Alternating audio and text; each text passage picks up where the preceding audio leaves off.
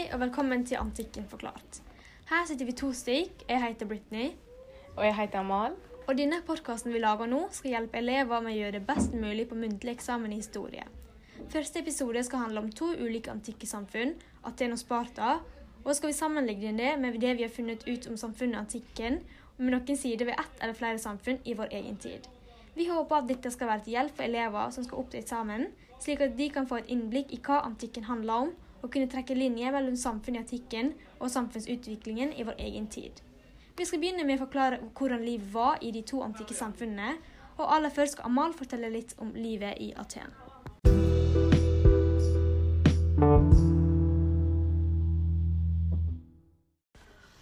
Aten var den mest kjente byen i den greske antikken. Borgere i Aten var jordeiere, soldater, politikere og idrettsmenn. Først når flåtene kom, fikk de fattigste i samfunnet vist betydning for polisstaten.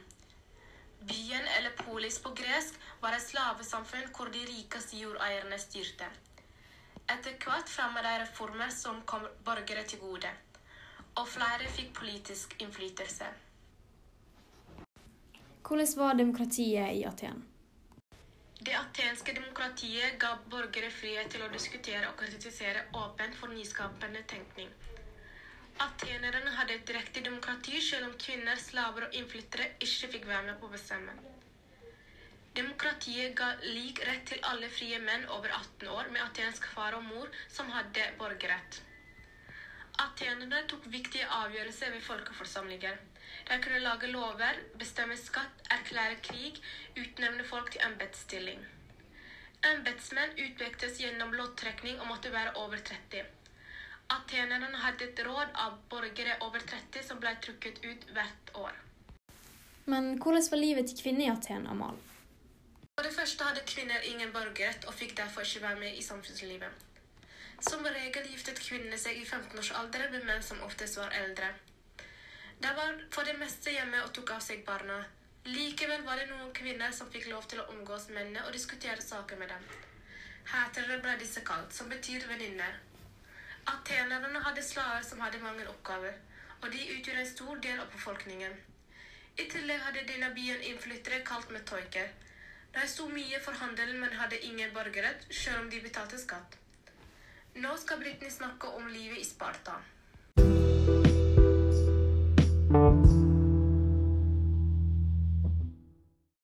Ja, og da skal jeg begynne å snakke litt om hvordan det politiske i Sparta henger sammen. Sparta hadde en folkeforsamling, et råd og to konger, og det var et oligarki, et fåmannsvelde, der. Borgere over 30 år kunne møte i folkeforsamlingen i Sparta. Og rådet bestod av 28 borgere over 60 år som var utpekt av folkeforsamlingen. Embetsmennene var kalt efora, og de var valgt av folkeforsamlingen for ett år om gangen, som passet på at det ikke ble fattet vedtak som brøt med lovene og religionen. De to kongene i Sparta møtte i rådet, var hærførere og ledet religiøse seremonier. Hvordan var borgeridealet i Sparta, Brittany? Uh, ja, borgeridealet i Sparta. Spartanerne oppfatta seg som etterkommere av helten Herkules. Borgeren skulle være en disiplinert og fryktløs kriger. Hensynet til fellesskapet var etter individuelle behov, og det var lite rom for filosofi og andre vitenskaper. Målet for borgerne i Sparta var å bli godt trente og dyktige soldater, så det ga derfor status å hevde seg i idrett. Spartanerne gjorde det bra både på slagmarken og på idrettsbanen. Aten var et slavesamfunn. Var det slik i Sparta òg? Uh, ja, altså jorda som borgerne i Sparta eide, ble ikke dyrka av de. Det var derimot helotene, altså slavene, jorde. Den opprinnelige bondebefolkninga på Peloponnes var slavene som spartanerne brukte.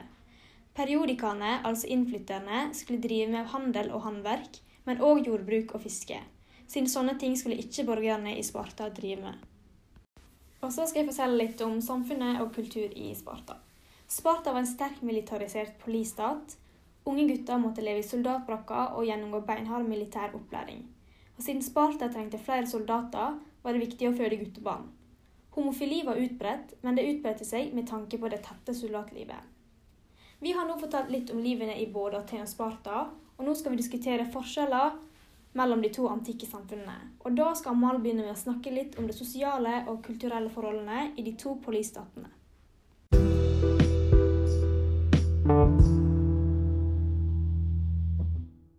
Selv om Aten og Sparta var to forskjellige byer med sine egne sosiale og kulturelle forskjeller, hadde disse to byene noen likheter.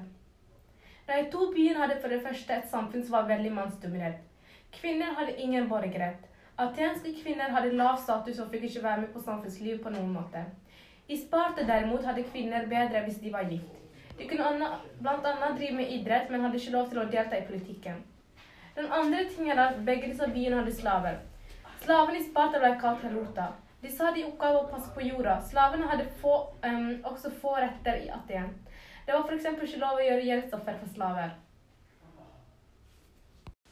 Men hvordan var borgerne i Aten og Sparta? Var tankene like? Borgerne i Aten og Sparta hadde ulike synspunkter og oppfatninger. Begge disse byene hadde forventninger om hvordan eh, borgerne skulle leve. I Aten ble folk oppfordret til å studere musikk, kunst, litteratur og drive med sport, mens i Sparta måtte borgerne være disiplinerte og fryktløse krigere. Alle barn født i byen Sparta ventet militært liv. Gutter ble helt fra starten lært opp til å bli soldater. Atenerne lærte barna sine om kunst og vitenskap. I tillegg var Aten omsatt for rikdom, mens Sparta tok det med makt. Hvordan var det med truen og kulturen i de to polisstatene? Begge disse byene hadde et bredt spekter av avguder som ble tilbedt, i likhet med resten av Hellas. De hedret gudene med de olympiske lekene. Kulturelt sett ble Aten kjent for sin arkitektur og infrastruktur, mens Sparta var en krigersamfunn og dermed satt søkelys på militærtrening. I så fall ble, det utviklet en egen teaterkunst i Aten, hvor det ble framført tragedier og komedier. I Aten oppstod det flere filosofiske skoler, mens i Sparta var det lite rom for utvikling av filosofi og andre vitenskap. Nå skal Britney snakke om forskjeller og likheter når det kommer til politikk og økonomi.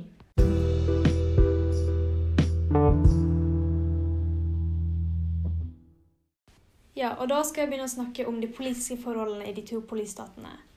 I Aten er det direkte demokrati som ga borgerne frihet til å diskutere åpent for nyskapende tenking.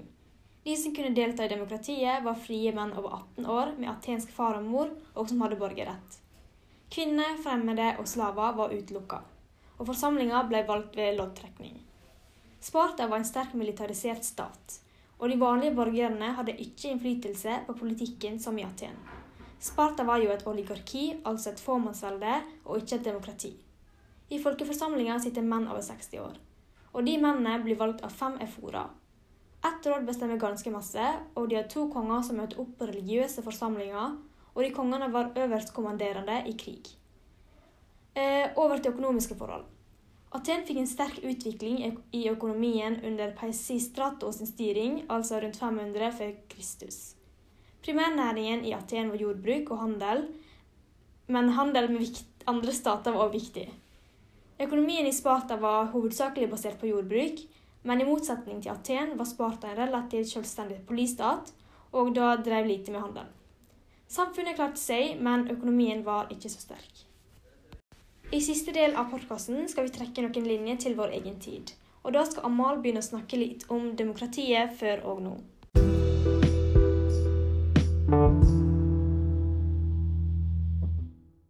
Tenkt å ta det atenske demokratiet og sammenligne det med Norges demokrati. Som nevnt tidligere i podkasten har Aten et direkte demokrati. Her var det frie menn over 18 som kunne være med på folkeforsamlinger nedenfor atenske Akropolis. De fikk snakke og fremme saker som de mener var viktige. De frie mennene måtte ha fullført militærtjeneste og ha frie foreldre som var fra Aten. De hadde lottrekning for å hindre de rikeste mennene å komme til makten. I Aten var demokratiet så viktig at mennene som ikke, ble, eh, som ikke var med, ble kalt for idios, som betyr ens egen. Atens direkte demokrati blir regnet som opprinnelse til det moderne demokratiet, på tross av at flertallet av, atensk befolkning, kvinner og slaver, ble nektet å delta. I dag har vi et eh, indirekte demokrati i Norge som har tre nivåer Stortinget, fylkestinget og kommunestyret. I dag er kjennetegnet på demokratiet frie valg, som innebærer at velgerne har to flere, eller flere alternativ å velge mellom. Ytringsfriheten er en annen kjennetegn, altså å kunne uttrykke sin mening fritt. For å kunne stemme i Stortinget må du ha fylt 18 år um, før slutten av valgåret.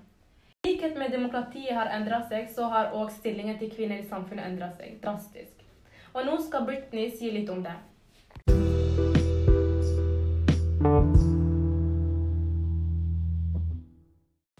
Kvinners stilling i samfunnet. Tradisjonelt har mannen i familien vært hovedforsørger, altså den som tjente pengene familien trengte. Og kvinnene skulle være husmor og passe på barna. Men på 60- og 70-tallet ble hverdagen til husmoren en helt annen enn det den hadde vært for bare en generasjon siden. De teknologiske hjelpemidlene gjorde arbeidsdagen enklere. Flere kvinner etterutdanna seg, og flere gikk ut i arbeidslivet så snart barna var store nok.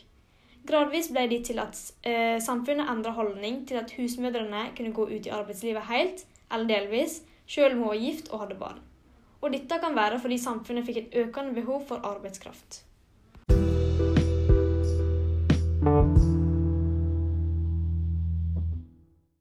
Podkasten har vi fortalt om de to politistatene Aten og Sparta, og sammenlignet likheter og forskjeller.